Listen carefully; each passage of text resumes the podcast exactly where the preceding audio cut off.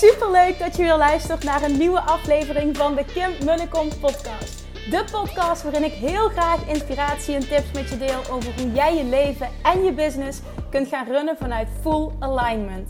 Meer voelen en minder denken, want that is where the magic happens. Hoe werkt die wet van aantrekking nu precies? Hoe creëer jij een succesmindset? En hoe kun jij ervoor gaan zorgen dat jij alles gaat aantrekken wat je zo graag wil met minder hard werken? Ik heb er weer super zin in. Let's go!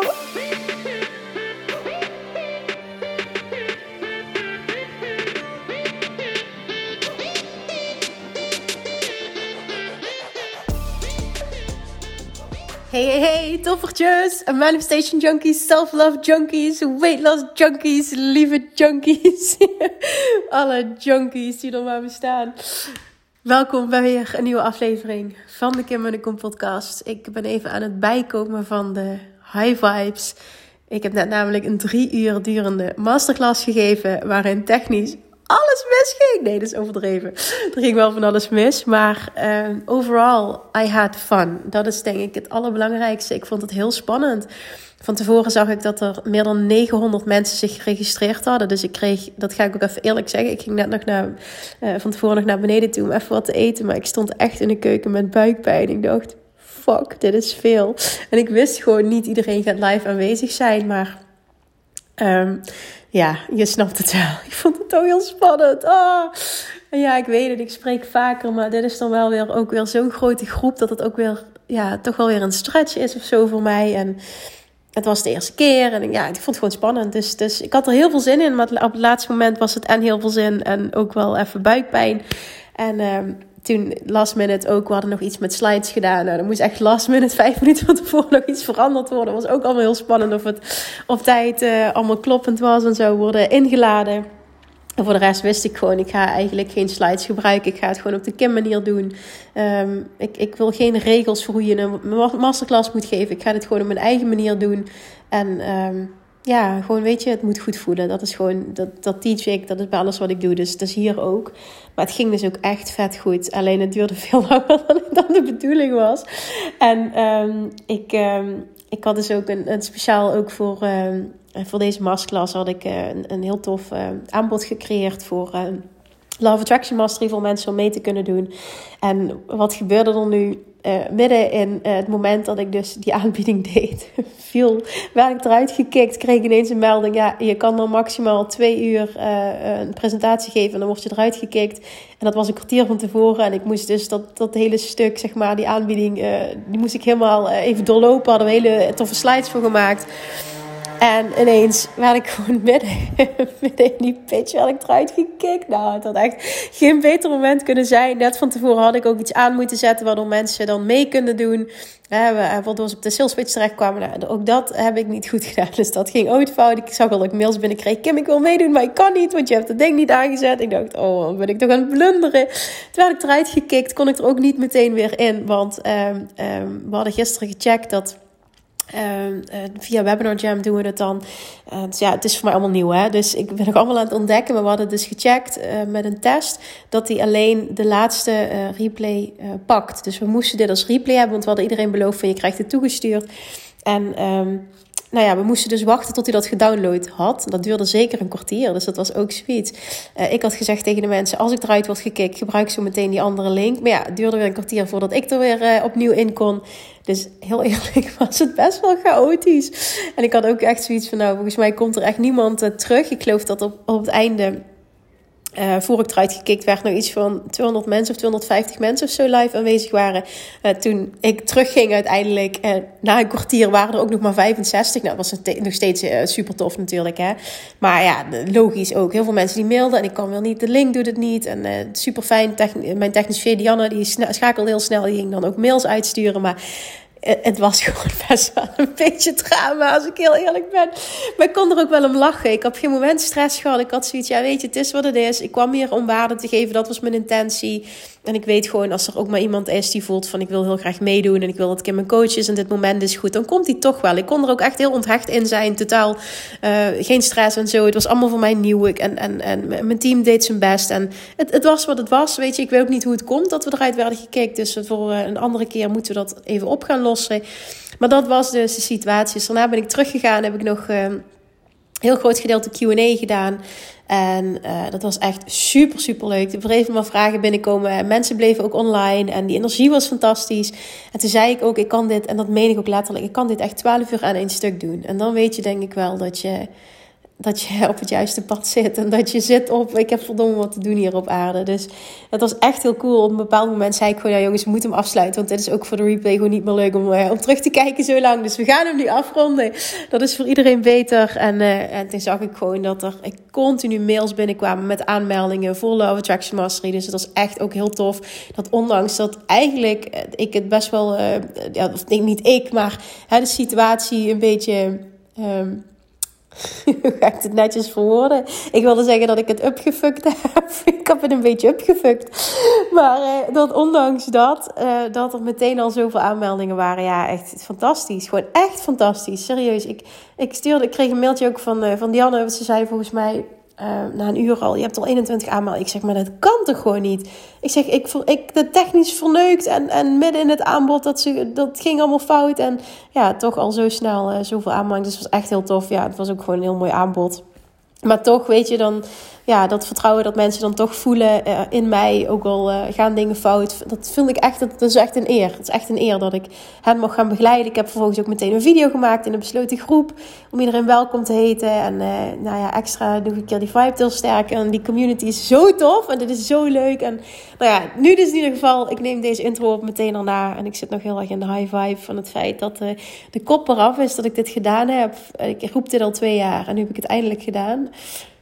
En nu denk ik ook, dit is zo leuk. En ik ga zo goed ook op die live energie. Ik merk dat ik dat zo tof vind om mensen live te kunnen helpen. En te kunnen inspelen op wat ze nodig hebben. Ik had van tevoren ook twee vragen uitgestuurd. Dat vond ik heel fijn om te weten van, goh, wat is... Uh, hè, wat, wat wil je er vooral uithalen? En wat is de nummer één reden Um, um, ja, ik weet niet precies wat ik. Nou ja, ik had niet, weet niet precies hoe ik had geformuleerd, maar ik heb geval twee vragen gesteld. Nou, dan had ik ook 350 responses opgekregen. Dus 350 mensen hadden gereageerd. Dus het gaf mij ook heel veel input uh, voor de masterclass. Vond ik super fijn, omdat ik dan uitgangspunt heb van hoe kan ik iemand ultiem helpen.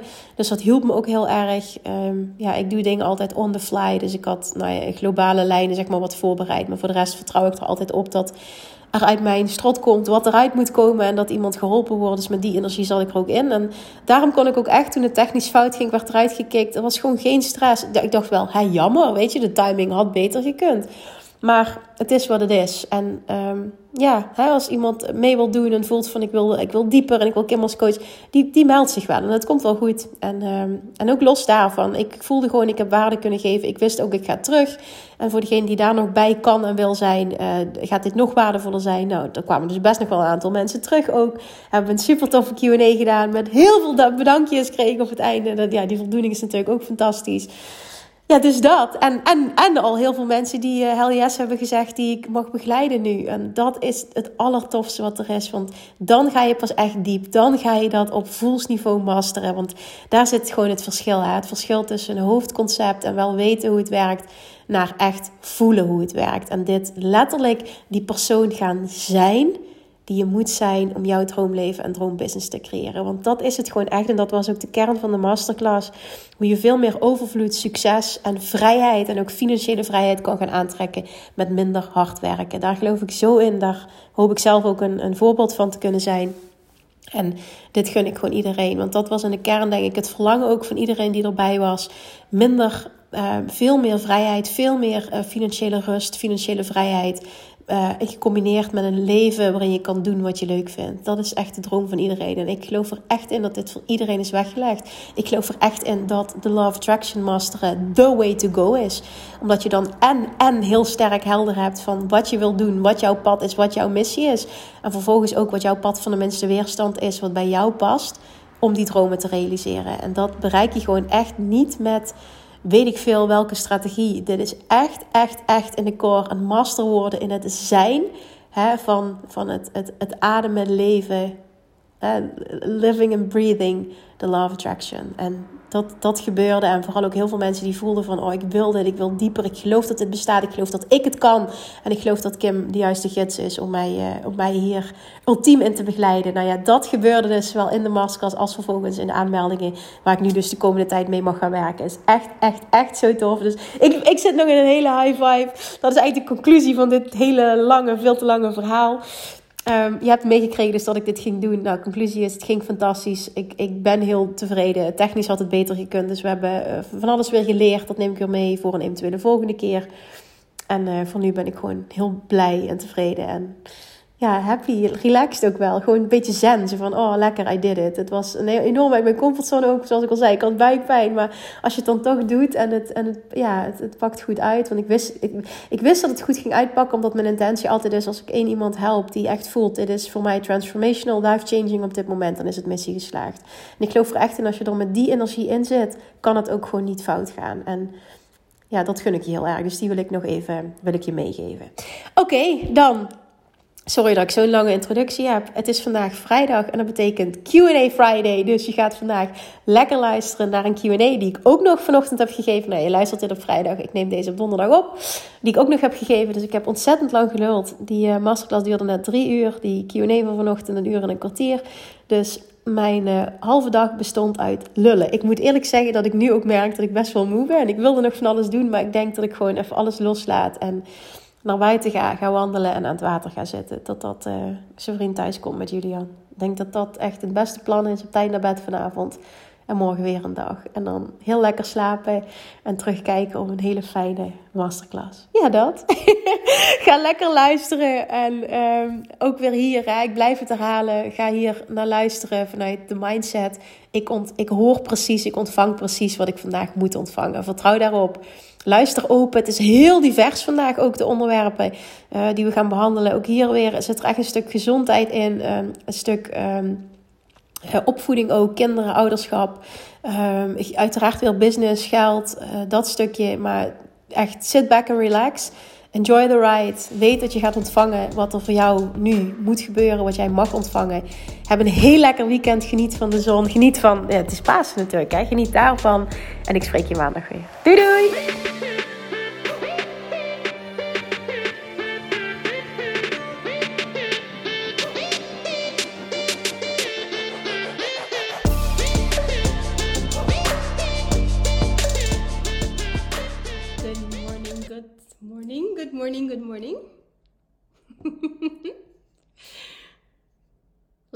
Of ik live ben.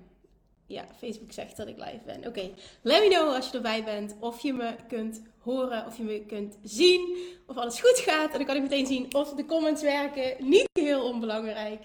En dan pak ik ondertussen de vragen erbij. As always, het waren weer een shitload aan questions. Maar omdat we het anders hebben gedaan dit keer, alleen de vragen voor 8 uur, heb ik gisteravond gewoon lekker een paar uur uh, vragen kunnen beantwoorden. En is het allemaal heel chill verlopen. Dus die gaan we erin houden.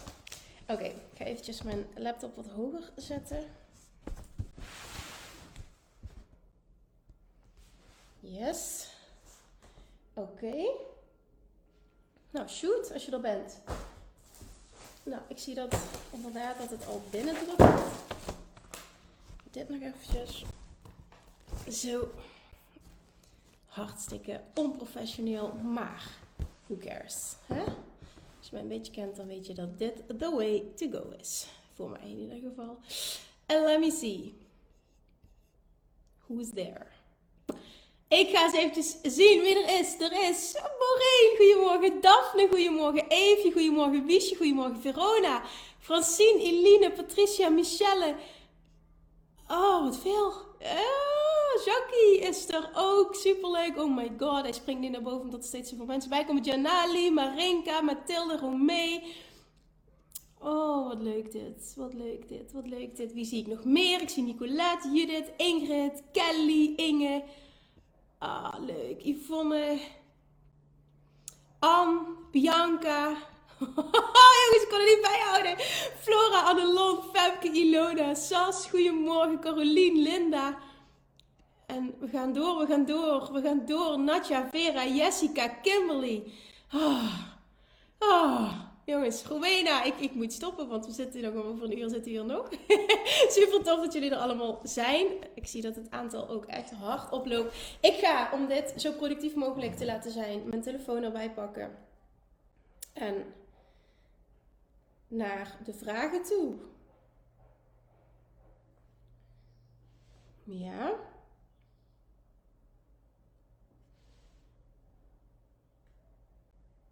Oké, there we go. Ik zal nog eventjes, heel eventjes een post plaatsen of heel eventjes dit delen in mijn verhaal op Insta, zodat de mensen die het vergeten zijn nog eventjes live kunnen intunen. Ta -ta -ta.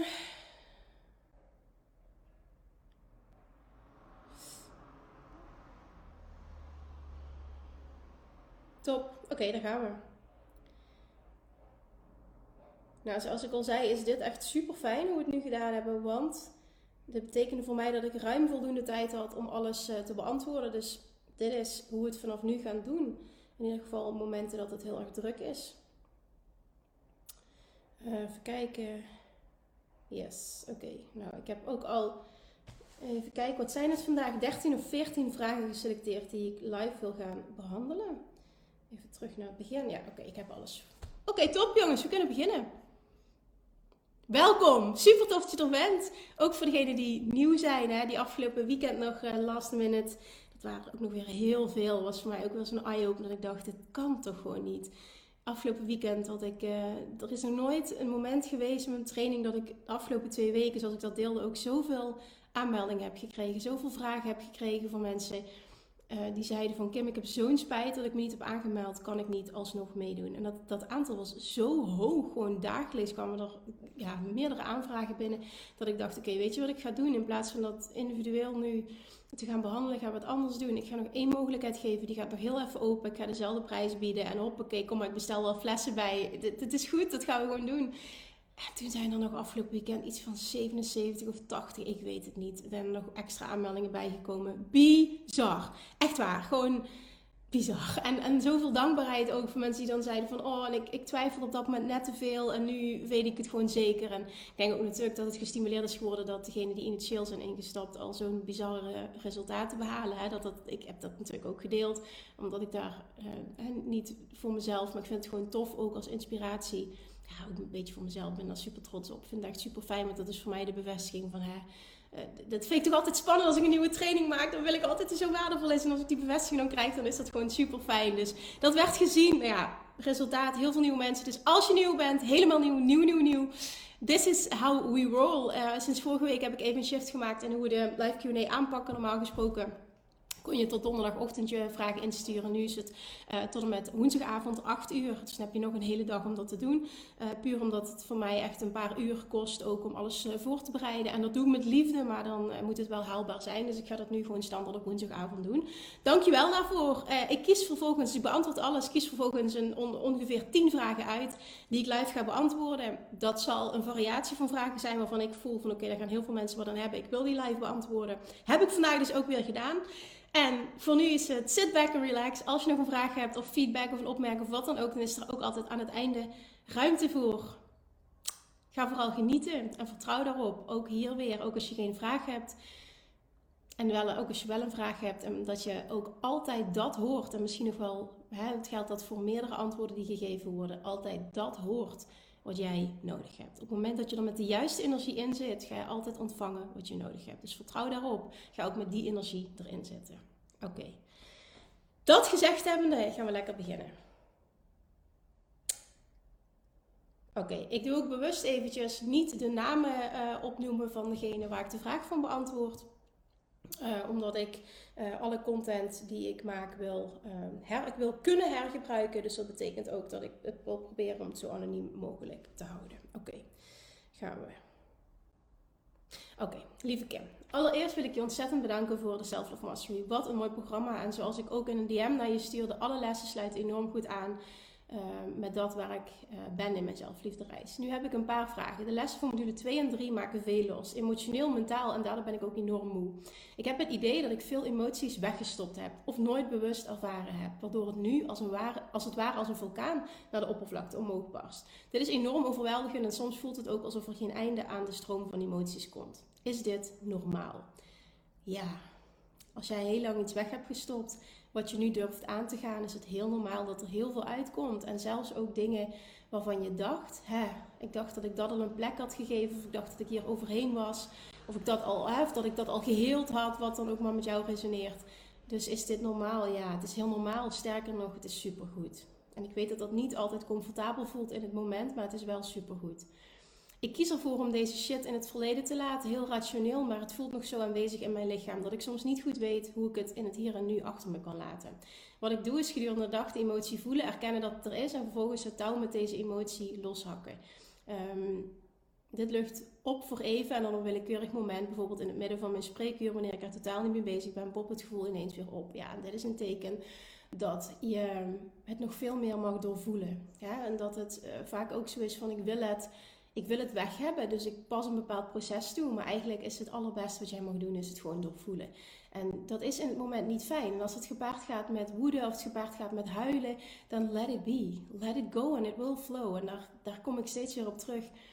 Laat het los, laat het gebeuren, laat het er zijn en het zal weer stromen. Je moet er gewoon even doorheen. En uh, zie dit ook niet als iets negatiefs, want het kan ook hier en weer en en zijn. Dat je er en doorheen gaat en daarnaast ook um, wel in een goede emotie zit, omdat je weet, dit is ergens goed voor en ik kan daarnaast ook mooie dingen voor mezelf verwachten. Ik ga hier doorheen, dit gaat me superveel brengen en dit gaat nog meer moois opleveren. En dan laat je het ook en-en zijn.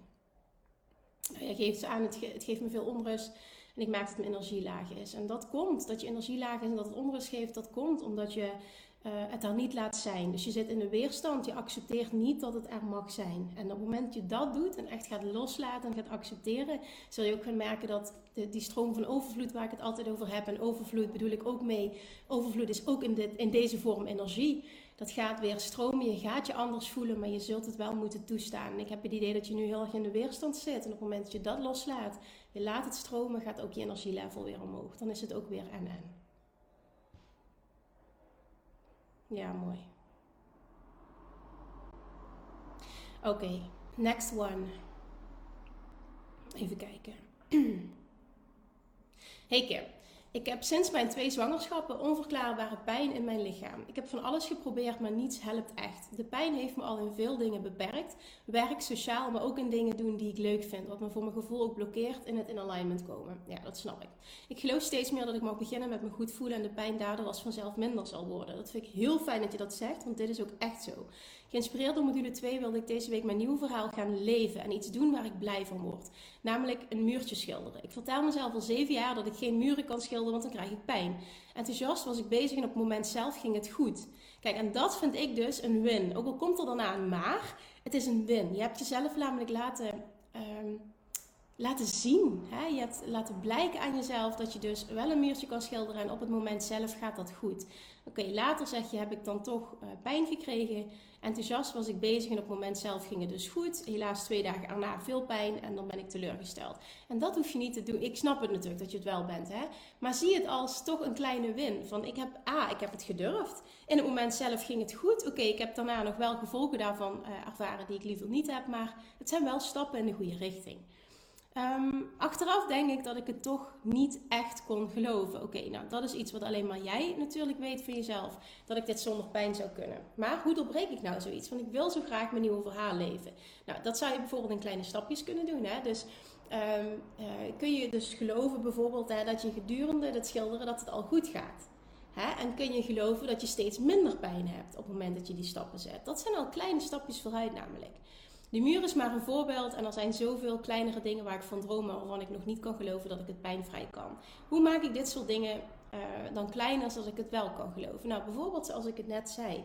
Dat je gelooft dat door je stappen te zetten en door dingen aan te gaan, dat je steeds minder pijn zult ervaren. En dat het oké is op het moment dat je pijn hebt, dat je daar even doorheen gaat en dat je het er laat zijn. Ook hierin weer hetzelfde als vorige vraag het er laten zijn en niet in de weerstand schieten, niet boos worden, niet balen, niet verdrietig zijn, doet heel veel. Want dat maakt dat energie kan blijven stromen. En dan, dan zul je en merken dat, het steeds, dat de pijn steeds minder wordt. Uh, maar dit is ook jouw route naar pijnvrij zijn. Weerstand doet zoveel. Hè? Weerstand maakt alles kapot in het lichaam. Weerstand, uh, teacht Abraham Hicks, uh, verandert ook daadwerkelijk cellen in je lichaam, waardoor je dus ziek wordt. Oké, en daarnaast wat ik met je wil delen is, um, wat ook nog een belangrijk is, maar dit is een meer een praktische. Ik heb, um, als je dat hebt meegekregen, na mijn bevalling, ongeveer een half jaar daarna, heb ik uh, uh, ineens ook uh, veel tijdens een tennistraining is me iets, ja, schoot iets scheef in mijn rug. Heb ik ontzettend veel pijn gekregen. Um, zo erg zelfs dat een week later, zeg maar, dat ik dacht, het gaat weer. Dus ik ging weer terug naar die tennisles. En ik ging, nou, ik denk drie minuten ben ik gestopt van de pijn. En die avond, s'nachts zelf, uh, kon ik niet meer uit bed komen. Dat ik zoveel pijn had. Ik dacht echt van, oh mijn god, hoe erg is dit? Eigenlijk ben ik uit bed gekropen. En ben ik van de pijn flauw gevallen op het, uh, op het toilet s'avonds. Het was best wel een, uh, ja, afgelopen zomer een heftige gebeurtenis. Um, nou, dat, dat, dat, ervaar ik dus ook als heel heftig. Want dat kunt u ook voorstellen wat dat emotioneel um, um, en mentaal met je doet. Maar ik voel dus meteen heel sterk, daar zit iets scheef. En het enige wat hoeft te gebeuren is, het moet rechtgezet worden. Alleen ik ben bang voor kraken en ik voelde gewoon, dit is niet mijn pad van de minste weerstand. Dus ik ging naar een osteopaat toe en die wilde mij de hele tijd kraken. Dus ik ben daar een paar maanden op behandeling geweest, omdat ik zo in een weerstand zat, werkte dat niet. Logisch, hè? want het lichaam werkte gewoon niet mee. Dus ik ben daarmee gestopt, want dat was het voor mij niet. En toen kwam via mijn verloskundige kwam, um, um, een boventherapeut op mijn pad. En zij zegt, ik stuur er heel veel uh, uh, cliënten van mij naartoe. Ik ben daar zelf onder behandeling. Bizarre resultaten. Hij kraakt niet. Het is een hele zachtaardige behandeling. Nou, ik was super nieuwsgierig, meteen gebeld. Ik kon een maand later kon ik terecht. En nou, ik denk na één behandeling al dat ik, dat ik bijna pijnvrij was. En sindsdien ben ik het soort van, het heeft even geduurd, maar een soort van onderhoudstraject volgen ik. Het gaat super goed. Uh, ja, super goed gewoon. Ik, ik, kon gewoon niet meer zitten, ik kon niet meer lopen. Echt, het was verschrikkelijk. En alles gaat goed, zeg maar. Ik kan volledig vrij bewegen. Het gaat super goed. Maar waar het in de kern om gaat, het gaat niet om de boventherapeut. Het waar het hier om gaat, is dat ik geloofde dat er iets was wat mij kon helpen. En um, je had ook tegen mij, uh, iemand anders had bijvoorbeeld kunnen denken van oké, ik moet iets in mezelf shiften. En dan gaat het weer stromen. En dat is ook goed. Weet je, er is niet, je moet een therapeut zoeken. Dat is ook niet wat ik wil duidelijk maken. Maar mijn waarheid en mijn pad van de minste weerstand was: ik heb dit nodig. En dan weet ik dat dit volledig voorbij gaat. Zo voelde dat heel sterk. Dus ik wist, ik moet de juiste persoon vinden en dan is dit voorbij, zeg maar. Dan stroomt het weer. En dat is dus precies wat voor mij gebeurde, wat werkte. En in eerste instantie niet, maar daarin mocht ik ook dicht bij mijn gevoel blijven. Het klopte niet helemaal. Dus de boodschap hierachter is voor, en die kleinere stappen, dat is één. Maar twee ook, wat is jouw waarheid over het pijnvrij worden van jouw situaties, in jouw situatie? Wat heb jij nodig? Specifiek jij, hè? dus niet mijn verhaal is slechts inspiratie, een voorbeeld. Wat heb jij nodig om te geloven dat je van de pijn afkomt? En het antwoord daarop is wat je mag doen. Dat is inspired action die je mag ondernemen. Nou, je geeft daar als antwoord nog op. Ik denk dat ik daar misschien vastloop. Ik heb al zoveel geprobeerd, ben al zo vaak hoopvol aan iets nieuws begonnen, wat uiteindelijk niet het resultaat gaf wat ik hoopte. Ja, dus, dus onbewust is dat toch iets um, dat je misschien de overtuiging hebt gecreëerd, dit gaat niet meer over. En als dat de onderliggende overtuiging is, dan is dat wat je continu zult aantrekken. Dus op het moment dat je die voelt, hè, dat is helemaal niet erg, maar dan weet je wel dat daar echt werk te doen is. Want ik geloof er niet in dat er geen oplossing is. Je hebt het alleen nog niet gevonden. En die waarheid, daar mag jij ook bij komen. Uh, ik heb sinds een paar keer een pijnvrije dag gehad. Super wens, maar ik wil meer. Ik voel mijn eigen ongeduld. Ik mag me nog meer focussen op wat er wel is. Ja, de, vooral, ik voel heel veel weerstand bij jou. Dat is het vooral. Die weerstand mag weg. En whatever you need om van die weerstand af te komen, dat is hetgene wat jou gaat helpen. En dat antwoord hoeft niet nu te komen, maar ik hoop wel dat dingen binnenkomen. Oké. Volgende vraag. Hey Kim, bedankt voor dit fantastische programma. Het is echt life-changing. Waar ik mee stoei is het liever zijn voor mezelf en niet veroordelen. Want als je liever bent en dus als voorbeeld wel dat snoepje neemt of een avondje rust, hoe kom je dan uiteindelijk bij je doel van afvallen of een succesvolle carrière? Daar moet je toch ook gewoon keihard voor werken en discipline hebben. Dus ook soms nee zeggen tegen jezelf, zoals je dat ook bij anderen moet doen. Ik kijk uit naar jouw wijsheid hierover. Ja, mooie vraag. Um, Oké, ik ga even mijn, mijn, antwoord voorlezen. Ik zei, oké, kijk, en daar gaat het dus fout tussen haakjes. Jouw waarheid is dat het of-of is. En mijn waarheid over afvallen bijvoorbeeld. En uh, succesvolle business opbouwen, carrière is en-en. Ik kan prima snoepen of niet sporten of een avond rust pakken en even goed afvallen slash slank blijven. Resultaat hoeft niet gepaard te gaan met keihard werken. En dat is ook business-wise zo. En ik heb al heel vaak mijn, bijvoorbeeld business-wise en afvallen ook mijn persoonlijke verhaal uh, gedeeld. Maar juist toen ik stopte met die overtuigingen en stopte met dat, dat keiharde trekken vanuit motivatie, is alles gaan flowen. En, en, en ben ik gewoon in een paar jaar tijd, als je kijkt naar, naar business van ja, best wel een plafond van 15.000 euro per jaar naar bijna een miljoen gegaan. Dat is echt insane gewoon wat er gebeurd is. Dat heeft echt heel veel met energie te maken. Daar ben ik 100% van overtuigd. Datzelfde geldt voor dat afvallen. Eerder was mijn overtuiging, als ik iets at, daar word ik dik van. Nu is het, nee, ik kan dat gewoon eten en ik blijf slank. En dat is dus precies het verschil in wat je aantrekt, het resultaat. En daar zit het hem in. En dat is ook wat ik tegen jou zei. Het is en en en niet of of. Wat heb jij nodig om daarin een shift te maken, vraag ik jou. Wat maakt dat jij niet gelooft dat het nu en en kan zijn? Nou, ik kreeg als reactie hele goede feedback. Ja, dat zijn vooral de overtuigingen wat je vroeger leerde, zoals elk pondje gaat door het mondje. Ja, absoluut. bedoel, die heb ik ook heel vaak gehoord in mijn leven. Ik moet het gaan loslaten om echt die shift te maken. Ja, het is vooral dat je mag gaan geloven en ik zou ook rolmodellen daarin zoeken. Um, dat het anders kan, maar dat jij het anders kan. En als een, ook meteen de waarheid aannemen, als die het kan, hè, bijvoorbeeld wat ik net deel, als Kim het kan, dan kan ik het zeker. De.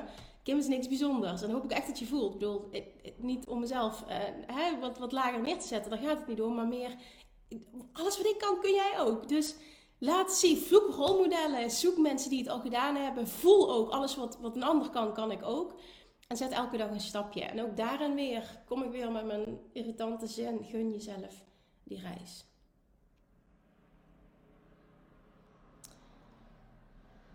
Oké, gaan we. Um, de volgende. Lieve Kim, ik ben nog maar zeer recent ingestapt in jouw traject, maar ik heb wel een vraag die me nu al triggert. Het is een hele uitdaging om deze weg te bewandelen als je partner op dit vlak anders in het leven staat. Dat denk je, maar dat is het niet. Oké, ik ga zo meteen heel dieper op in. Want dan denk ik, passen we eigenlijk nog wel bij elkaar? Want het effect is dat je normaal gezien je gelijkgestemde zielen gaat aantrekken.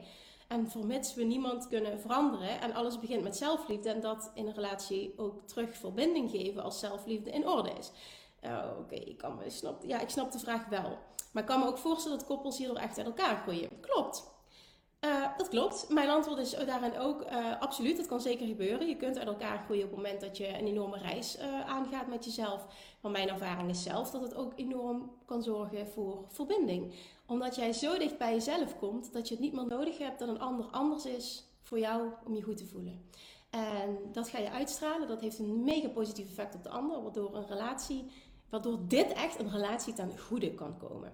Op het moment dat je echt voelt, dit past niet meer bij mij, dan moet dat ook zo sterk voelen dat het voor jou relatief tussen haakjes, hè, relatief makkelijk is om uh, een stap te zetten, omdat je gewoon weet dat dat het beste is. Het mag nog steeds pijn doen, maar je weet ook in die end dat het beter voor je is. Dus ook hier is het weer en en. Dus het kan zeker, maar mijn ervaring is dat het ook heel vaak ervoor kan zorgen dat je juist dichter tot elkaar komt. En vertrouw er ook op, whatever happens, happens. Hè? Dat het gewoon ook goed is wat er gebeurt. Oké. Oké, volgende. Hey Kim. Misschien een beetje uh, out of the box vraag, maar in mijn omgeving heb ik veel mensen met een soort van sixth sense. Door iemand is mij aangegeven dat ik op een bepaald moment zwanger zou raken. Dit kwam ook precies uit. Helaas kreeg ik een miskraam. Dat viel me heel zwaar. Ik ben 39 en ik wil heel graag moeder worden. Nu hoor ik weer van dezelfde persoon dat een tweede zwangerschap voorlopig gaat uitblijven en nog lang gaat duren doordat er energieën zijn die het tegenhouden. Um, ik wil dit niet aannemen als mijn waarheid. Ik merk wel dat ik er last van heb. Oké. Okay. Ehm,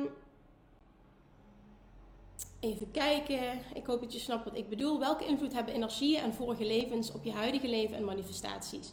Ik hoor je er nooit over, dus ik denk dat dit misschien niet jouw straatje is. Nou, het is wel mijn straatje, maar ik heb daar echt een andere waarheid over. Dus um, die wil ik met je delen. En, en nogmaals, voel of dat wel of niet met jou resoneert. De tijd moet ik loslaten, zeg je. Oké, nou, ik heb geantwoord. Mooie vraag. Ik heb daar inderdaad een andere kijk op dan wat jij nu zegt, wat die andere persoon uh, uh, tegen jou zegt. Die energieën hebben namelijk 0,0, en dit is wat Abraham Hicks teach vanuit de wet van aantrekking. Die energieën hebben 0,0, 0,0 0,0 effect op het hier en nu, behalve als jij dit kracht geeft door erop te focussen. Want dan haal je het namelijk in het hier en nu door er aandacht aan te geven. Dit hoeft dus echter helemaal niet zo te zijn. En de allerbelangrijkste vraag is: wat heb jij nodig om te geloven dat jij gewoon moeder wordt? En dat dit helemaal niet jouw verhaal hoeft te zijn en helemaal totaal geen effect hoeft te hebben op het hier en nu. Reactie van jou, goede vraag. Ik heb te veel negatieve gedachten, ervaringen erop liggen, denk ik. Ik heb endometriose. Ik heb ontzettend veel meegemaakt en ik denk dat ik in een leven zit waarin ik alleen maar tegenslag ga meemaken. Dus dat is. Dus dit past gewoon in het straatje. Ja, als dat je waarheid is, dan is dat natuurlijk ook wat je aantrekt. Allemaal onzinovertuigingen die ik nu stapje voor stapje aan het afbreken ben. Op dit gebied ben ik nog zoekende hoe het los te laten. Fijn dat je zegt dat, je het, dat het je het kracht kan geven door er aandacht aan te schenken. Dat is wat ik moest horen, denk ik. Want het hoeft inderdaad geen onderdeel te zijn van mijn verhaal. Dankjewel. Oké, ik ben heel blij dat je dit kon horen. En ook dat je ziet dat je dus continu, als ik dat even zo zwart-wit mag zeggen, shit aantrekt door het verhaal dat jij jezelf vertelt. Dit is echt zo wet van aantrekking in werking. En ben trots op jezelf en zie gewoon elke dag kom ik een stapje dichter bij het shiften van. En elke dag zal ik dus iets anders gaan aantrekken. En elke dag zul je dus meer en meer resultaat gaan zien. Vertrouw daarop. En ook dit is weer, dit is geen reis in een rechte lijn. Dit gaat zo omarm het proces. Alright, gaan we door.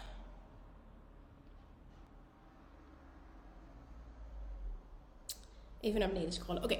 Hey, hey, ik blijf maar piekeren en in, het, uh, en in het nu denken. Hoe shift ik dit nou echt goed naar wat ik wel wil? Ik had het vorige week er ook al over. Toen moest ik een zin bedenken wat ik wel kan geloven. Maar het gaat elke dag een stukje beter. Dekt het voor mijn gevoel niet genoeg. Hoe ga je er nu echt goed doorheen en shift je dit dus wel? In mijn geval is het een geldkwestie. Oké. Ehm, ja, ik vroeg iets. Eerst, ik vroeg eerst dit aan jou. Eén vraag is daar heel belangrijk, misschien wel heel praktisch, maar wat gaat maken dat jij uit het tekort schiet? Want blijkbaar is dat wat speelt, qua energie en misschien ook wel letterlijk. Wat heb jij nodig om overvloed te voelen? Reactie van jou is, dat is dus het moeilijke. Dit gevoel zit er al tien jaar. Ook met meerdere coaching trajecten uh, heb ik eraan gewerkt, meerdere manieren geprobeerd, maar ik ben even de kluts hierop kwijt. Ik weet niet of het duidelijk is, zo anders, sorry. Oké, nou ik ga als reactie nog. Maar deze vraag is echt huge. Dus ik hoop ook echt dat meer mensen dit horen dan alleen jij. Is er ooit wel een bedrag dat goed genoeg is voor jou? Want op het moment dat iets al 10 jaar speelt, hè, is de kans super groot dat dit totaal niet om het geld gaat. Om een bepaald bedrag waarvan je denkt van dan uh, heb ik bepaalde zekerheid of dan voelt het als overvloed. Maar dit is een, een, um, een, onderliggend, een onderliggend probleem. De kern zit veel dieper, want er is geen enkel bedrag dat dit gevoel gaat wegnemen. Ook al denk je dat nu, maar dit zit veel dieper. Als ik dit zo hoor, zit het hem namelijk niet in een bepaald geldbedrag met een diepe angst om niet genoeg te hebben. Kan dat kloppen? Um, nou, toen zeg jij, we hebben door omstandigheden telkens geen loon vanuit mijn kant. Ik doe er alles aan, dus nu twee bedrijven, niet omdat het moet, omdat ik het oprecht leuk vind en energie van krijg. Maar het lijkt alsof, ik, alsof er, als ik meer omzet, wel weer meer kosten komen. Ja, en dat heeft te maken met je money blueprint. Dan is namelijk jouw financiële thermostaat ingesteld op er is altijd tekort. Want dat zeg je ook, hè, waardoor ik dan thuis weer tekort kom. Er is altijd tekort. En dat is ook wat ik, dat, dat, dit teach ik heel uitgebreid in Money Mindset Mastery. Wat er gebeurt namelijk is, is op het moment dat jij merkt, mijn financiële thermostaat is ergens op ingesteld. Ik had dat bijvoorbeeld in mijn business heel lang op 15.000 euro. Dan ging ik bijvoorbeeld meer verdienen, 75.000 euro. Maar er kwamen zoveel meer kosten uit dat onder de streep ik weer continu precies op hetzelfde uitkwam. En er veranderde niks. Tot ik ontdekte dat mijn financiële thermostaat dus stond ingesteld op dat bedrag. En uh, dat, dat het gewoon niet uitmaakt wat je doet. Want uiteindelijk, zeg maar, uh, zet je het raam open als het ware en hè, zakt de temperatuur weer terug naar waar die thermostaat op staat ingesteld.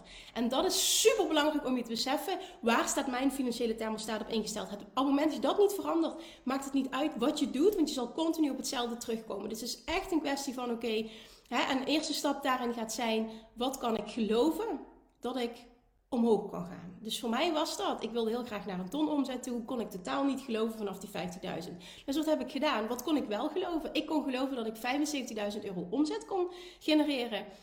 Um, En dat ik, uh, dat ik, ik weet niet meer wat ik toen precies voor mezelf pakte, maar dat ik zoveel kosten kon hebben, waardoor ik onder de streep zoveel overhield. En dat was een, een, een stap omhoog ten opzichte van waar ik op dat moment stond. Die kon ik geloven, vanuit waar ik toen stond. Nou, vanuit die 75, dat lukte toen een jaar later, kon ik naar een ton. En toen ik dat ton doorbroken had, kon ik hè, weer vervolgstappen zetten. Maar dat was continu een mentale shift en continu het bijstellen van mijn financiële thermostaat.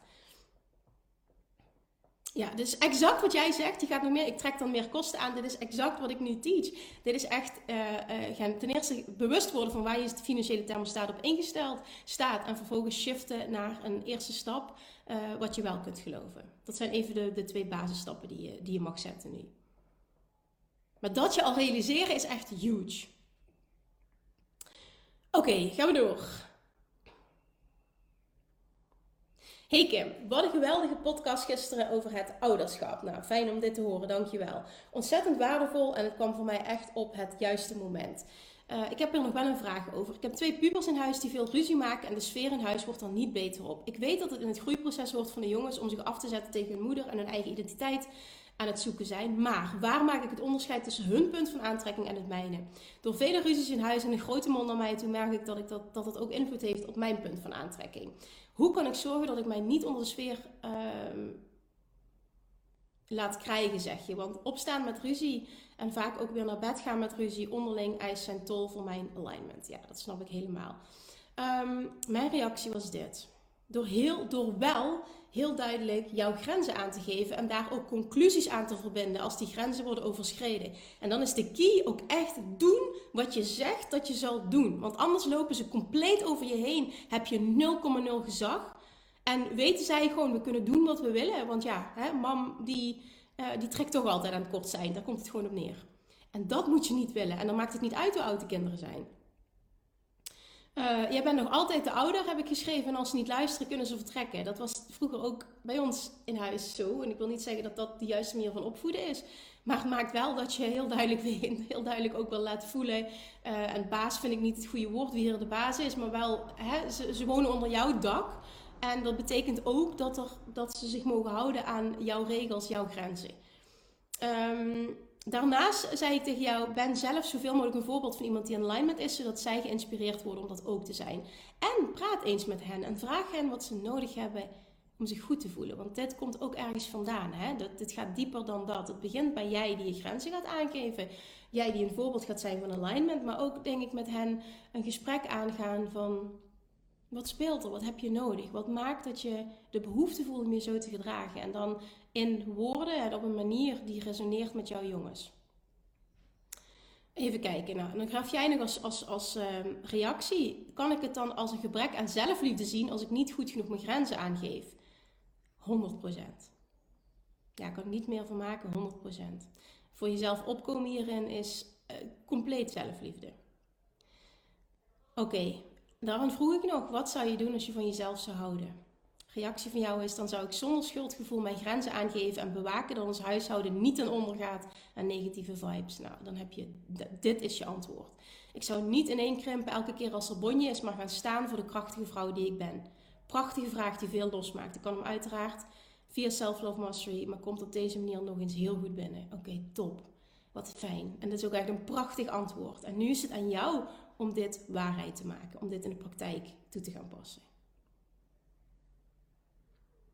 Top, oké.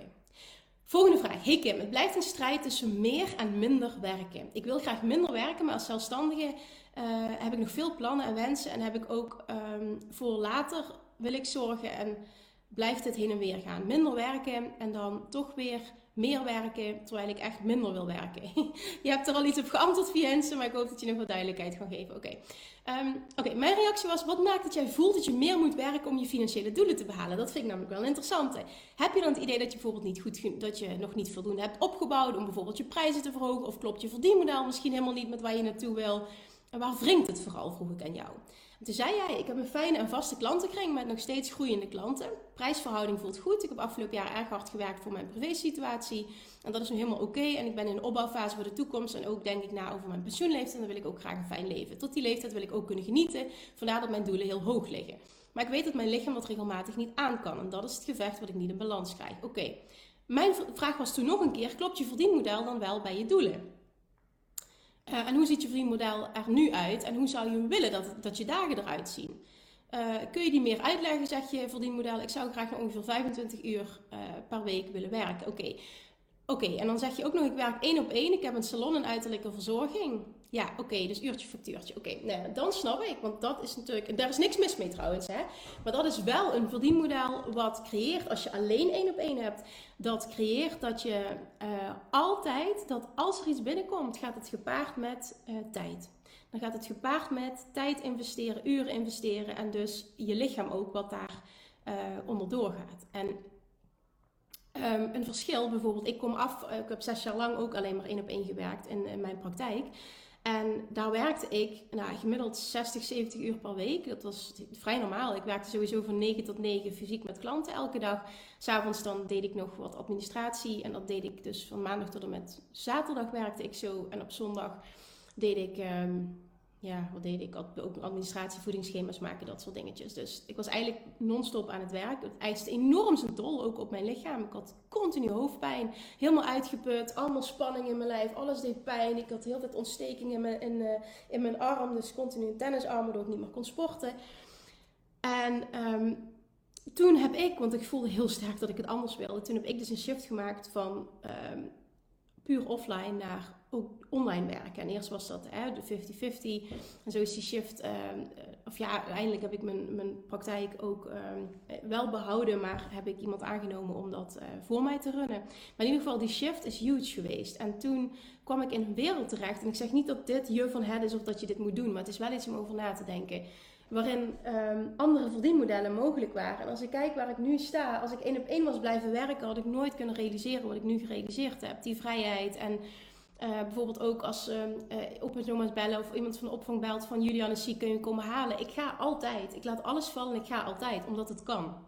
En nu is het zo dat ik bijvoorbeeld toen deed ik 15.000 euro um, op een jaar en nu kan ik bij wijze van spreken 15.000 euro in een dag doen tijdens een lancering of zelfs meer. En dat is zo'n game changer geweest. En dat maakt dat je dus, dat is een ander verdienmodel, dat je op een hele andere manier um, je leven kan gaan inrichten. En dus ook op een andere manier kan gaan plannen voor de toekomst. Dit maakt dus dat wij heel veel hebben kunnen sparen. Op hele jonge leeftijd al een huis hebben kunnen afbetalen. En nu zijn gaan kijken naar investering. Want ook ik heb geen pensioen. Dus ik zal ook iets moeten, uh, moeten creëren om dat te realiseren. Dus ik snap je helemaal. Um, maar wat ik denk dat jou zou kunnen helpen, is eens nadenken over hoe jij naast hetgene wat je nu doet, ook nog iets anders zou kunnen opzetten wat schaalbaarder is. Dus waarin je bijvoorbeeld uh, in één uur meer mensen kan helpen. Of in één, ja, en, en dus in één uur meer kan verdienen dan wat je nu in één uur verdient. Dus af van het uurtje factuurtje. Niet zozeer af, maar dat je er iets naast doet. Daardoor blijft je inkomsten van dit bestaan. En dan kun je dat, als, als dat andere loopt, kun je dan natuurlijk langzaam gaan afbouwen. Maar dit kan het echt uit ervaring zeggen. Dit is, kan zo bevrijdend zijn. Oh, dit kan zo bevrijdend zijn. Het geeft je zo'n ander leven. En zoveel meer flexibiliteit. Ik zou echt nooit meer terug willen naar waar ik vandaan kom. Maar voor iedereen past wat anders. Hè? Want ik ken ook heel veel mensen die echt het supergoed doen op uh, één op één. En dat alleen maar willen. En dat is ook volledig oké. Okay, ik deel slechts mijn verhaal uh, ter inspiratie. Dus weet gewoon dat dit mogelijk is. Weet dat je die stappen kunt zetten. En het is gewoon aan jou om te voelen wat past bij mij op dit moment. Oké, volgende. Ga ik even kijken. Ja, oké.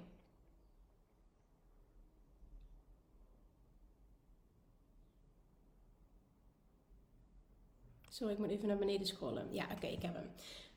Ook een hele mooie vraag. Lieve Kim, ik heb een vraag over mijn uh, kinderwens. Ik wil graag kinderen, maar ik heb het idee dat ik nu um, energetisch blokkeer door mijn perfectionisme. Mijn perfectionisme is namelijk het ergste um, als het iets met kinderen te maken heeft, omdat kinderen mijn passie zijn en ik hen en hun toekomst heel belangrijk vind. Doordat ik vanuit mijn werkachtergrond heel veel kennis en ervaring heb met kinderen en ook een sterke visie op hoe ik geloof dat het het beste is om op te groeien, merk ik dat ik het helemaal vastzet.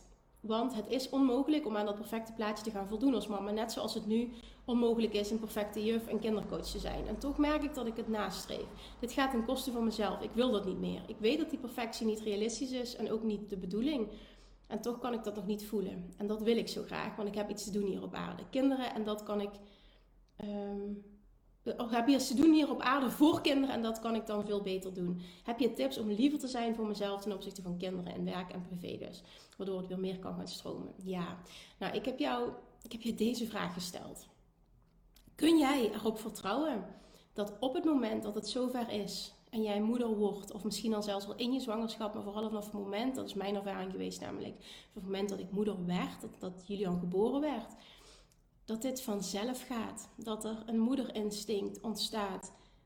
Een gevoel ontstaat dat je niet kent. Wat je ook niet misschien had. Tenminste, ik praat even voor mezelf. Ik had niet gedacht dat ik dit in me had.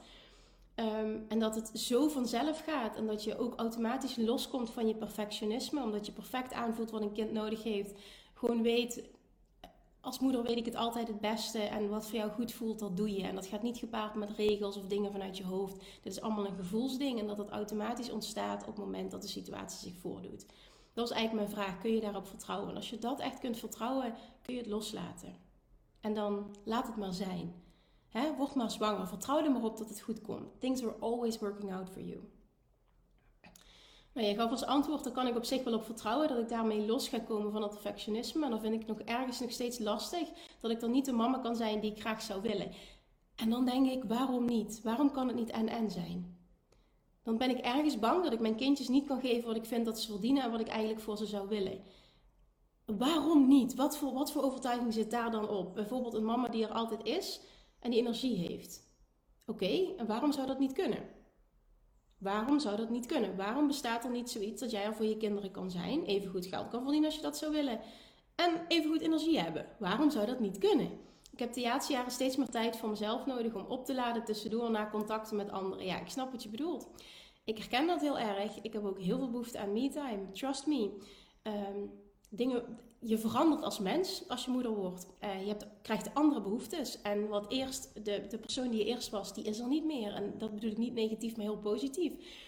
Uh, ik heb gemerkt dat, zeker in het begin ook, uh, in de eerste maanden, dat ik daadwerkelijk de tijd die ik met Julian had, ook als me-time kon zien. Dat was heel fijn. Was heel anders dan bijvoorbeeld tijd doorbrengen met zijn vriend, zeg maar. Dat voelt dan niet als me-time, maar met Julian wel. Dus dat is ook wel heel bijzonder. Zo kan het werken.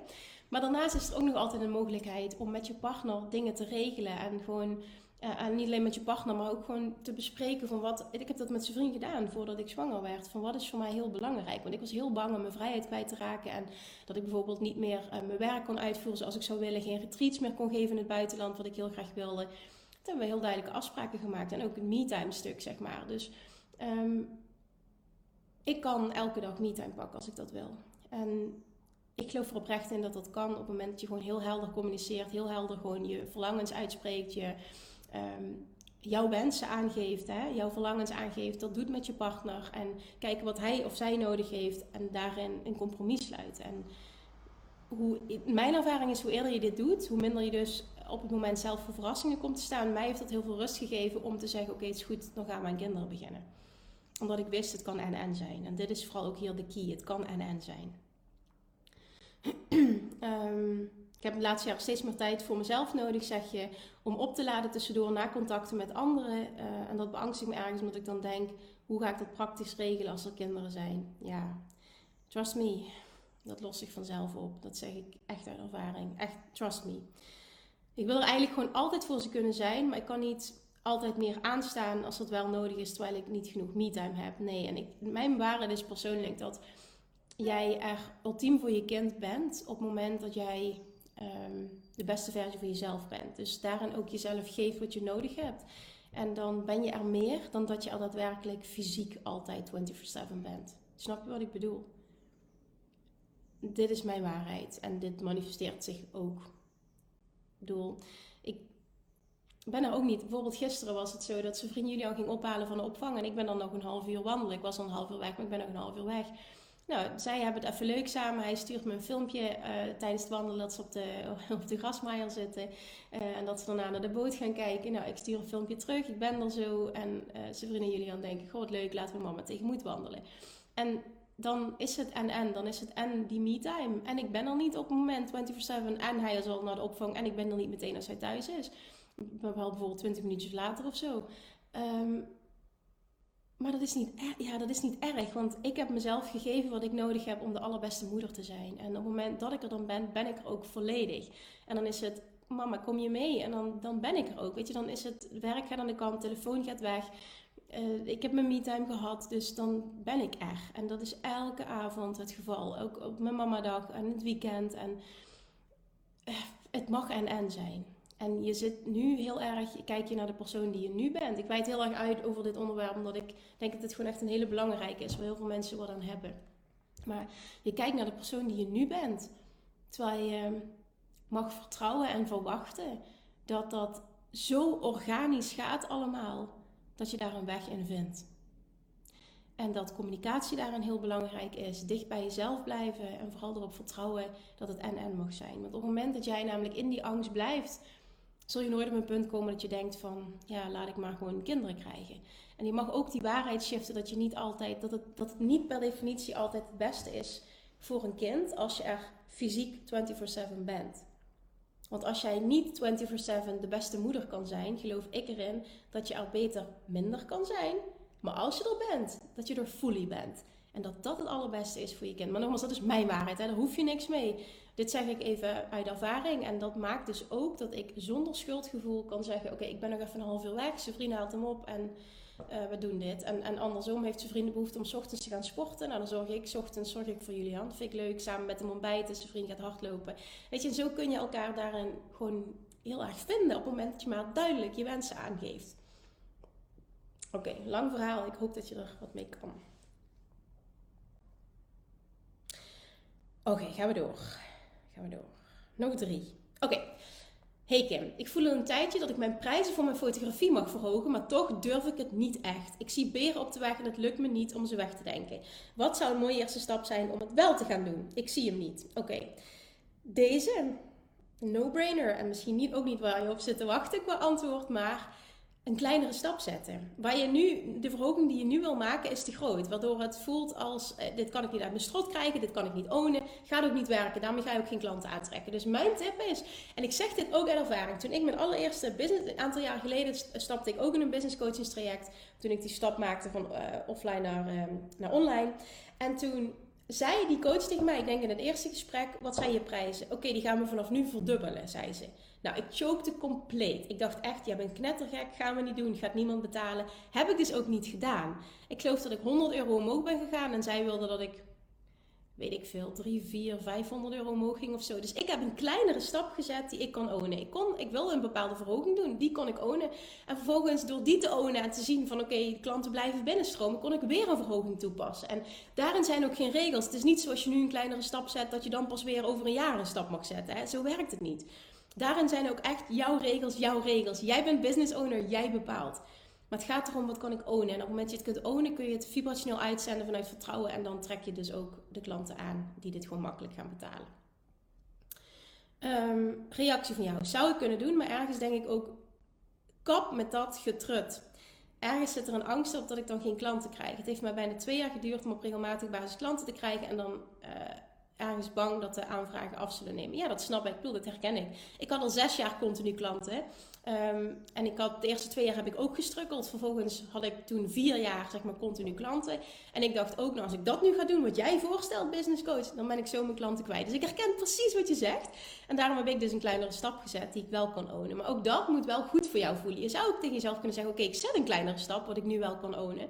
En ik sta mezelf toe om dat bijvoorbeeld volgende week alweer hoger te laten zijn of volgende maand. Dus het mag ook echt in die stapjes. Het hoeft niet een jaar te duren voor je weer een vervolgstap zet. Op het moment dat je merkt, het voelt echt onvervullend. Ik doe een kleine verhoging en het voelt niet goed. Nou, dan weet je, ik mag nog een stapje hoger, want het klopt energetisch niet. Oké? Oké, I hope that helps. Even kijken. Oké, volgende. Hey lieve Kim, ik heb de laatste twee weken last van een opgeblazen buik en dat vind ik heel vervelend. Ik merk dat het me niet lukt om mijn gedachten te shiften. Um, en dit zijn twee onderdelen waar ik mee struggle. Omdat mijn buik onderdeel is van mijn lichaam, kan ik er niet omheen. Ik kom mijn buik steeds tegen. En twee is, ik ben zo gefocust met me er niet op moet focussen dat ik alleen maar focus op mijn opgeblazen buik. Oké, ik ben ook heel nieuwsgierig hoe jij erover denkt. De meeste mensen een opgeblazen buik toewijden aan bepaalde voeding of stress. Denk jij ook dat dit de oorzaak is?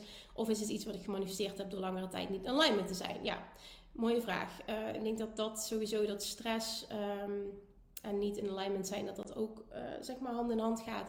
Maar ik kan dus uit ervaring ook wel delen. Ik heb heel erg lang last gehad van een opgeblazen buik. Heel erg, heel, heel, heel erg lang en heel extreem. Namelijk zo erg dat op het moment dat ik niet verbloemde met hele wijde kleding, dat het echt leek of dat ik zwanger was.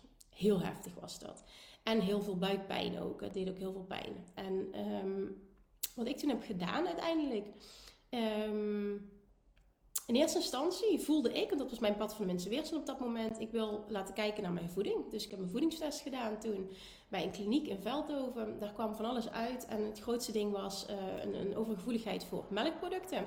Dus ik ben daar toen mee gestopt een hele tijd en dat deed me heel erg goed. Dus na een maand, ik ben, eh, dat heeft wel even geduurd, na een maand zag ik pas de eerste resultaten is dat dus gestopt, die opgeblazen. En dat heb ik toen jaren volgehouden, dat melk, die melkproducten niet uh, eten.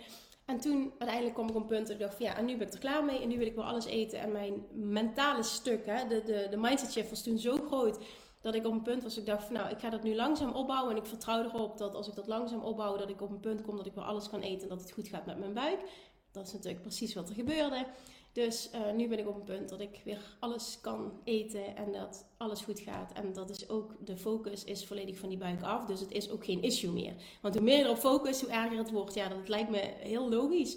Je weet het ook, je wil het niet horen, maar je weet het wel. Daarnaast geloof ik dus echt heel erg in de relatie tussen stress en Um, want dat was ook hè, stress. Hoe meer je erop focust, hoe meer negatief je erop focust, hoe meer stress je hebt. Dus het gaat echt hand in hand. Waardoor dat zeker dus een uh, hele negatieve invloed kan hebben. Dus conclusie is niet uh, een voedseltest gaan doen of wat dan ook. Conclusie is, wat voel jij dat jij nodig hebt om hier vanaf te komen? Wat is jouw waarheid wat jou gaat helpen om hier een shift in te kunnen maken?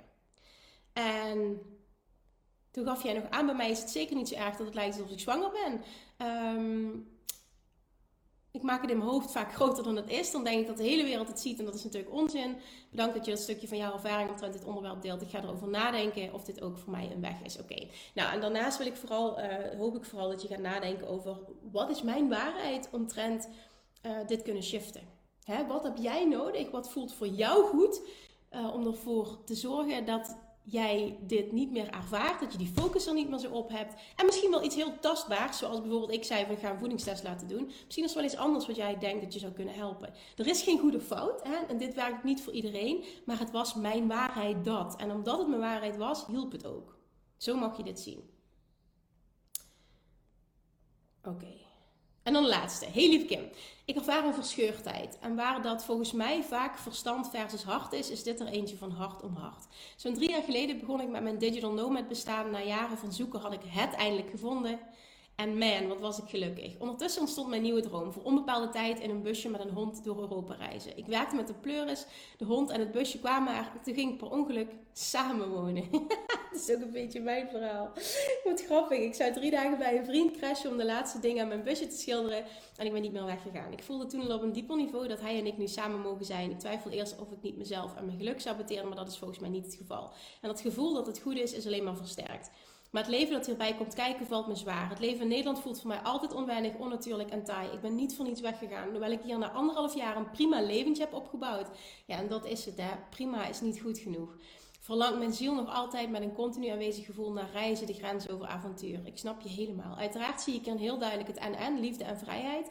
Dan reis ik ook nog wel, maar het is anders. En ik merk dat ik mijn geluk niet in Nederland vind, maar wel bij mijn vriend. Ik gun mezelf de alle tijd, want ik wil het hier ook heel graag vinden. Maar als ik diep naar binnen kijk, voel ik wel dat dit een stukje aard van het beestje is, wat niet met de tijd zal veranderen. Heb je advies? Ja, heb ik. Um, nou, ik vroeg ten eerste, kun je met hem praten en tot een compromis komen? Uh, en daarin deelde ik een stuk voor mezelf. Van ik herken dit heel erg, want uh, het had niet heel anders moeten lopen. En ik denk dat ik nu in een ander land zou wonen. Um, ik had alle dating apps afgezworen. Ik had heel veel jaren gedate. Ik had alles verwijderd. En uh, toen wilde ik de laatste app verwijderen. En ik had al um, een, um, uh, nou niet de reis geboekt, maar ik had wel afspraken gemaakt om een half jaar naar Australië te gaan. En toen weet ik nog dat er iets van een, een, ding knipperde op die laatste app die ik wilde verwijderen. Dus ik keek nog eventjes en dat was een, een bericht van zijn. Ja, en toen uh, was ik eerst helemaal niet geïnteresseerd. En toen had ik zoiets van, ja, weet je wat, ik ga toch uh, een half jaar naar Australië. Dus whatever, voor de time being, oh, ik, prima als ik nog uh, iemand ontmoet waar ik wat lol mee kan hebben. Een serieuze, serieuze relatie hoeft voor mij niet. Nou, uiteindelijk, en voor die eerste date, het, het ook twee of drie keer afgezegd. Uiteindelijk toch die keuze gemaakt. Nou, het klikte dan heel erg. We bleven afspreken. Oh, en ineens denk je, shit, het is toch wel heel erg leuk. Ehm, maar ik voelde toen ook, oké, ik ga wel op reis nu. Dus we hebben toen een compromis gesloten. Hij wilde niet dat ik ging. Um, ik werd, de reden dat ik voor Australië koos toen was omdat het voor mij veilig voelde. Ik wilde au pair gaan worden omdat ik anders uh, het te spannend vond om alleen te doen. Dus ik dacht, oké, dit is ook niet de juiste intentie. Wat wil ik dan? Compromis, 2,5 maand Bali. Nou, dat heb ik toen gedaan. Toen kwam ik terug, ben ik in een zwart gat gevallen. En uh, toen voelde ik ook van, oké, ik wil bij jou zijn, maar ik wil ook niet hier wonen. Dus heel lang is er een, een, enorm spanningsveld geweest. Ook op het punt dat we eigenlijk dachten van, we kunnen een relatie beter beëindigen.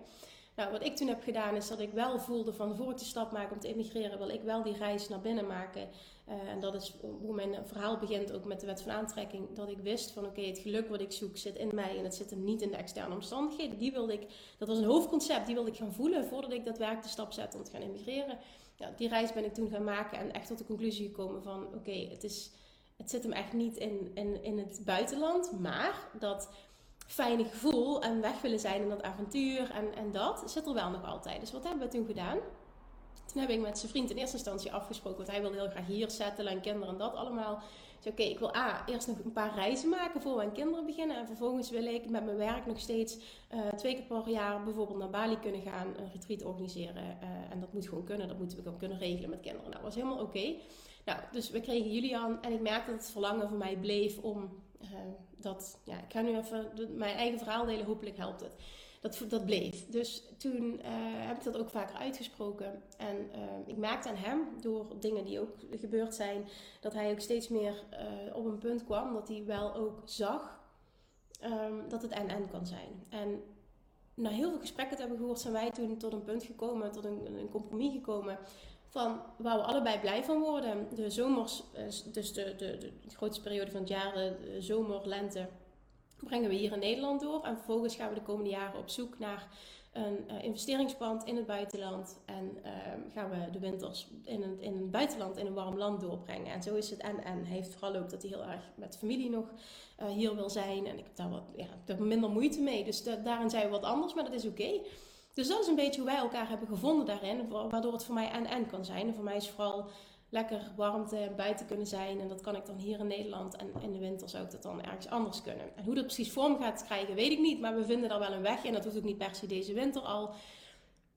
Conclusie van het verhaal is niet dit moet het zijn, maar meer praat eens met hem. Kun je niet tot een compromis komen? Misschien wil hij um, in de kern wel dezelfde dingen en uiten die zich op een andere manier. En, en, en kun je tot een en-en verhaal komen. En ik geloof altijd dat als het echt klopt en, en jullie twee meant to be zijn, dan komt er een oplossing. 100%. Nou, reactie van jou is dankjewel voor je antwoord, Kim. Uh, ik kan er wel met hem over praten en ik ben dan ook super eerlijk, maar tot een compromis komen is dat op heden niet gelukt. Deels speelt mee dat hij het moeilijk vindt om te horen dat ik weg wil, terwijl hij juist gehecht is aan wat hij uh, hier heeft opgebouwd. Onder andere het huis bijvoorbeeld. Gisteren heb ik met hem weer gevraagd en was zijn reactie in eerste instantie nee, helemaal geen behoefte aan. Maar toen ik je antwoord voorlas, ging hem wel iets dagen en zei hij dat ik dit op een ander moment wel weer eens kon aanhalen. Dus er is hoop. Heel erg bedankt. Dacht oké, okay, nou heeft het wel iets geholpen. Maar voor het zover is, woon ik hier in een land waar ik me niet thuis voel, waar ik niet kan aarden. Hoe ga jij daarmee om? Heb je nog tips hoe ik me somehow hier uh, net zo ultiem happy kan voelen? Oké, nou wat ik wel hierin merk, is wat jij zegt, hè. Um, wat, wat ik, ik ergens iets voel. Dus jij, jij mag even bepalen, klopt dit of klopt dit niet. Nu is het wel zo dat jij heel erg aanpast naar wat hij wil. Hij wil hier blijven. En dat is dus ook wat jullie doen. Ik ben in onze relatie op een punt gekomen dat ik zei, en daar ook echt heel sterk in stond, omdat ik dat echt meende. Ik wil echt wat anders. En als dat niet gebeurt, dan weet ik niet of ik deze relatie wil behouden. Ook al hou ik heel veel van hem en is het top. En ook al hadden we al Julian. Ik moet daarin ook aan mijn eigen geluk denken. En dat bleef spelen, zeg maar. En um, het, daarin zeg ik niet van je moet met iets gaan dreigen of zo. Weet je, want dit was allemaal gebaseerd op, op echt. Ik, ik voelde dat echt zo. Maar wel, nu is het zo, jij danst naar zijn pijpen, hij bepaalt, hij is dominant. Wat hij wil gebeurt, jij blijft. En dit is geen compromis. Dus misschien mag jij daarin ook wat sterker voor jezelf opkomen. En ik geloof erin namelijk dat echte liefde ook is dat die ander een stukje naar jou toe beweegt. Op het moment hij ziet dat jij niet ultiem gelukkig bent. Dat is ook liefde. Dus hoe ga ik dit verwoorden? doe dit vanuit overvloed. Kijk eens hoe dit met jou resoneert, of het met je resoneert. En welke stappen vanuit overvloed jij daarin zou kunnen zetten. Oké, okay, daar ga ik hem bij laten, want anders ga ik dingen zeggen die, ja.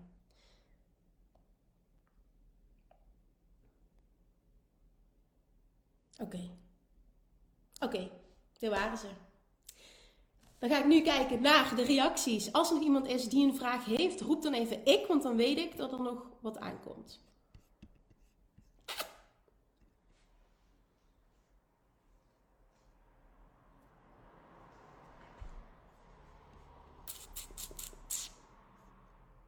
Let me see. Let me see, let me see, let me see.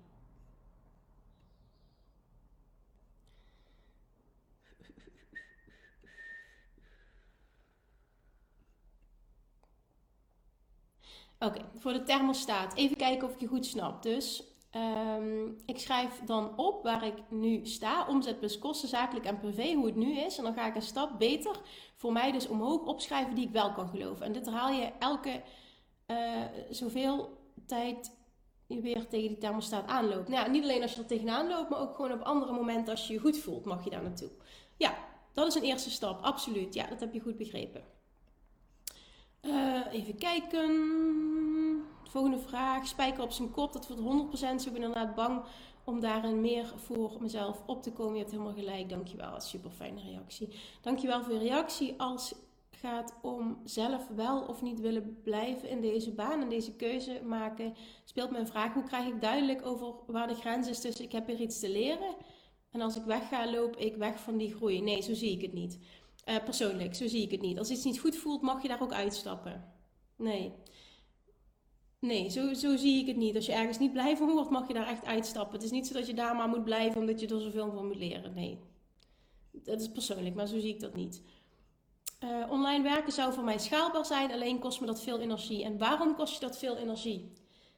Waarom heb je dat al geprobeerd of waar baseer je dat op?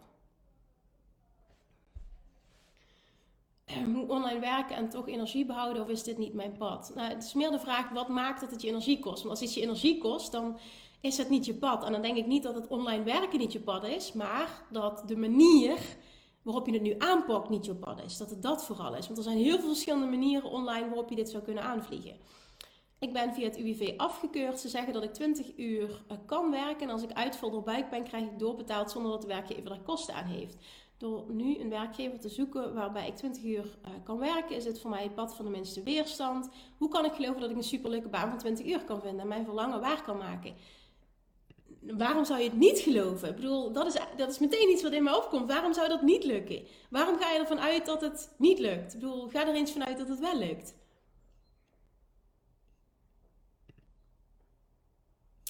Uh, ik heb filmpjes gemaakt voor klanten, dan is er geen interactie en voelt het als alleen zenden. Ja, dat kan ik me voorstellen, maar dan is gewoon dat jij daar nog in mag groeien en dat je ook je klanten mag opvoeden daarin. En dat bedoel ik niet, dat klinkt heel uh, negatief, maar dat bedoel ik heel positief. Um, dat je ook heel duidelijk mag maken wat hen, hun verantwoordelijkheid is in dit hele stuk. En op het moment dat ze die niet pakken, dat ze dan ook geen resultaat gaan behalen. Zoiets. Want dat is een hele belangrijke. Toen ik net begon online, had ik een online community. En daarom was met momenten ook dat ik een live QA deed, dat er echt nul respons was. En toen is er een punt geweest dat ik live ben gegaan. Dat ik heb gezegd van jongens, op deze manier hoeft het voor mij niet meer. Ik heb het idee dat het inrichtingsverkeer is, dat ik aan het trekken ben aan een dood paard. Op het moment dat alles goed gaat je hebt geen vragen, helemaal top. Ik zeg maar, ik geloof er helemaal niks van. En jullie nemen nu niet je eigen verantwoordelijkheid om daarin je vraag te stellen, om je te laten zien, om te laten weten waar ik je ultiem mee kan helpen. En als je dat niet doet, kan ik je ook niet helpen. En vanaf dat moment is er enorm veel geshift. Ik heb geleerd hoe ik uh, dit op een manier moest aanpakken dat ik echt de verantwoordelijkheid bij de klant kon leggen. En een leider kon zijn voor mijn community. En meteen ook um, je, ja, je, je, je voedt klanten op uh, dat zij uiteindelijk zelf verantwoordelijk zijn voor een resultaat. En dat is super belangrijk als je überhaupt als je met mensen werkt, maar al helemaal als je online werkt. Dus ik denk gewoon dat jij nu een ervaring hebt waarbij het nog niet stroomde, maar dat dat niet per definitie betekent dat dit niet, dat dit niet iets voor je is.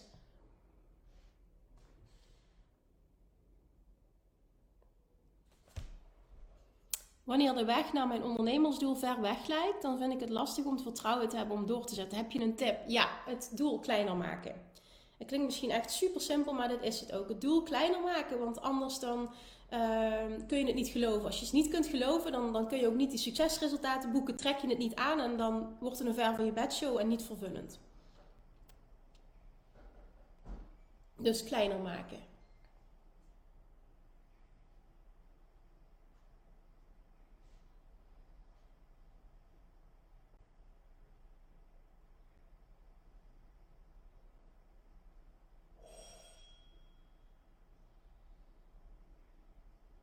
Ik vraag heel even aan zijn vriend of hij even de deur open kan maken.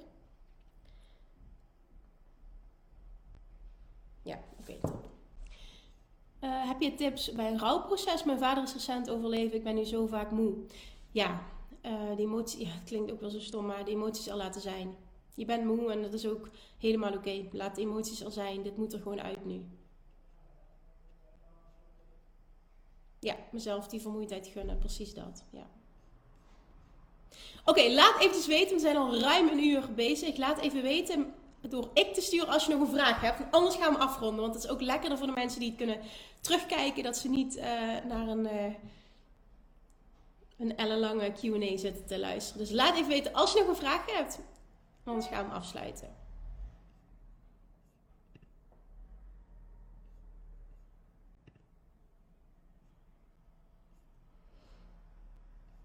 Oké, je vroeg me in je reactie of de keuze uh, me dichter bij mijn doel brengt. Ik zie dat niet direct, wel dat ik uiteraard overal wat van kan leren. Um, uiteraard ook wat van kan, ook van hen. Dus in die zin, ja, maar niet direct. Hoe direct moet ik het zien? Nou, als je het niet direct voelt, zou het voor mij een nee. Zou het voor mij een nee zijn op jouw vraag? Dus dat betekent, als het niet resoneert, niet doen.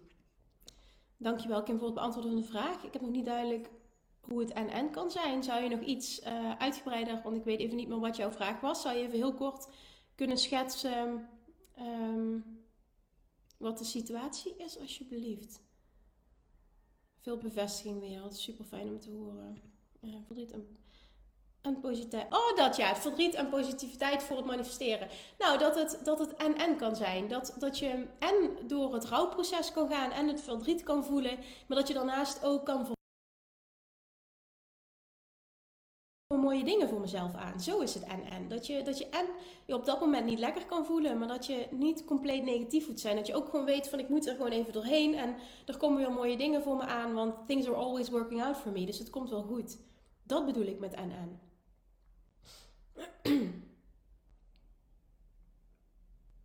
Komt het pad van de mensen weerstand nog in de modules? Um, pad van de mensen weerstand zit heel uh, duidelijk in uh, Law of Attraction Mastery.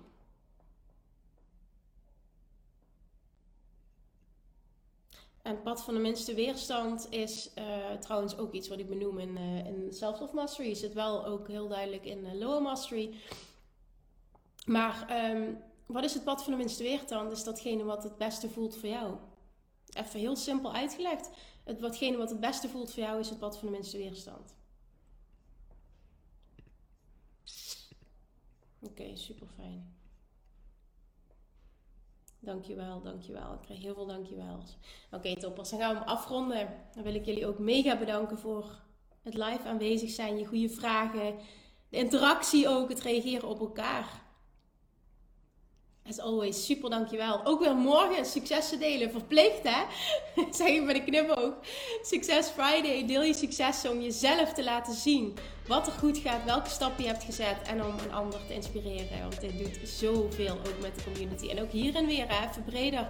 Ook als je nieuw bent, pak je de plek in deze community. Pak je verantwoordelijkheid ook. Hè. Als jij ergens mee zit, vraag om hulp. Als je een vraag hebt, zeg maar stel die. Want er zijn zoveel mensen in deze groep die je kunnen helpen vanuit ervaring, vanuit liefde, uh, die al verder zijn. Vraag, vraag, vraag. Pak je plek.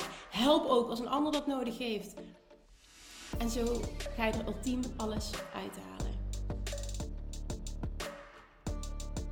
Ja, mooi. Dankjewel. 11-11. Oh, dat is een mooie. Daar gaan we weer afronden. 11-11. Dankjewel. Toppers, dankjewel voor het kijken. Voor het live aanwezig zijn. Ook als je terugkijkt. Super fijn dat je dit nog doet. Ik spreek je volgende week donderdag weer live. Als de baby zich nog niet aanbiedt, wat ik niet verwacht, dan ben ik er volgende week. Hele fijne dag. Lievertjes, dankjewel weer voor het luisteren. Nou, mocht je deze aflevering interessant hebben gevonden, dan alsjeblieft maak even een screenshot en tag me op Instagram. Of in je stories, of gewoon in je feed. Daarmee inspireer je anderen en ik vind het zo ontzettend leuk om te zien wie er luistert. En nog één dingetje voor alle gratis content die ik aanbied. Zou je alsjeblieft één dingetje terug willen doen? En dat is: ga naar iTunes, zoek de podcast op, scroll even naar beneden en laat een korte review achter. Hoeveel meer reviews namelijk, hoeveel beter de podcast gevonden wordt in iTunes en hoeveel meer mensen ik kan bereiken met mijn boodschap. Super, super dankjewel alvast en tot de volgende keer!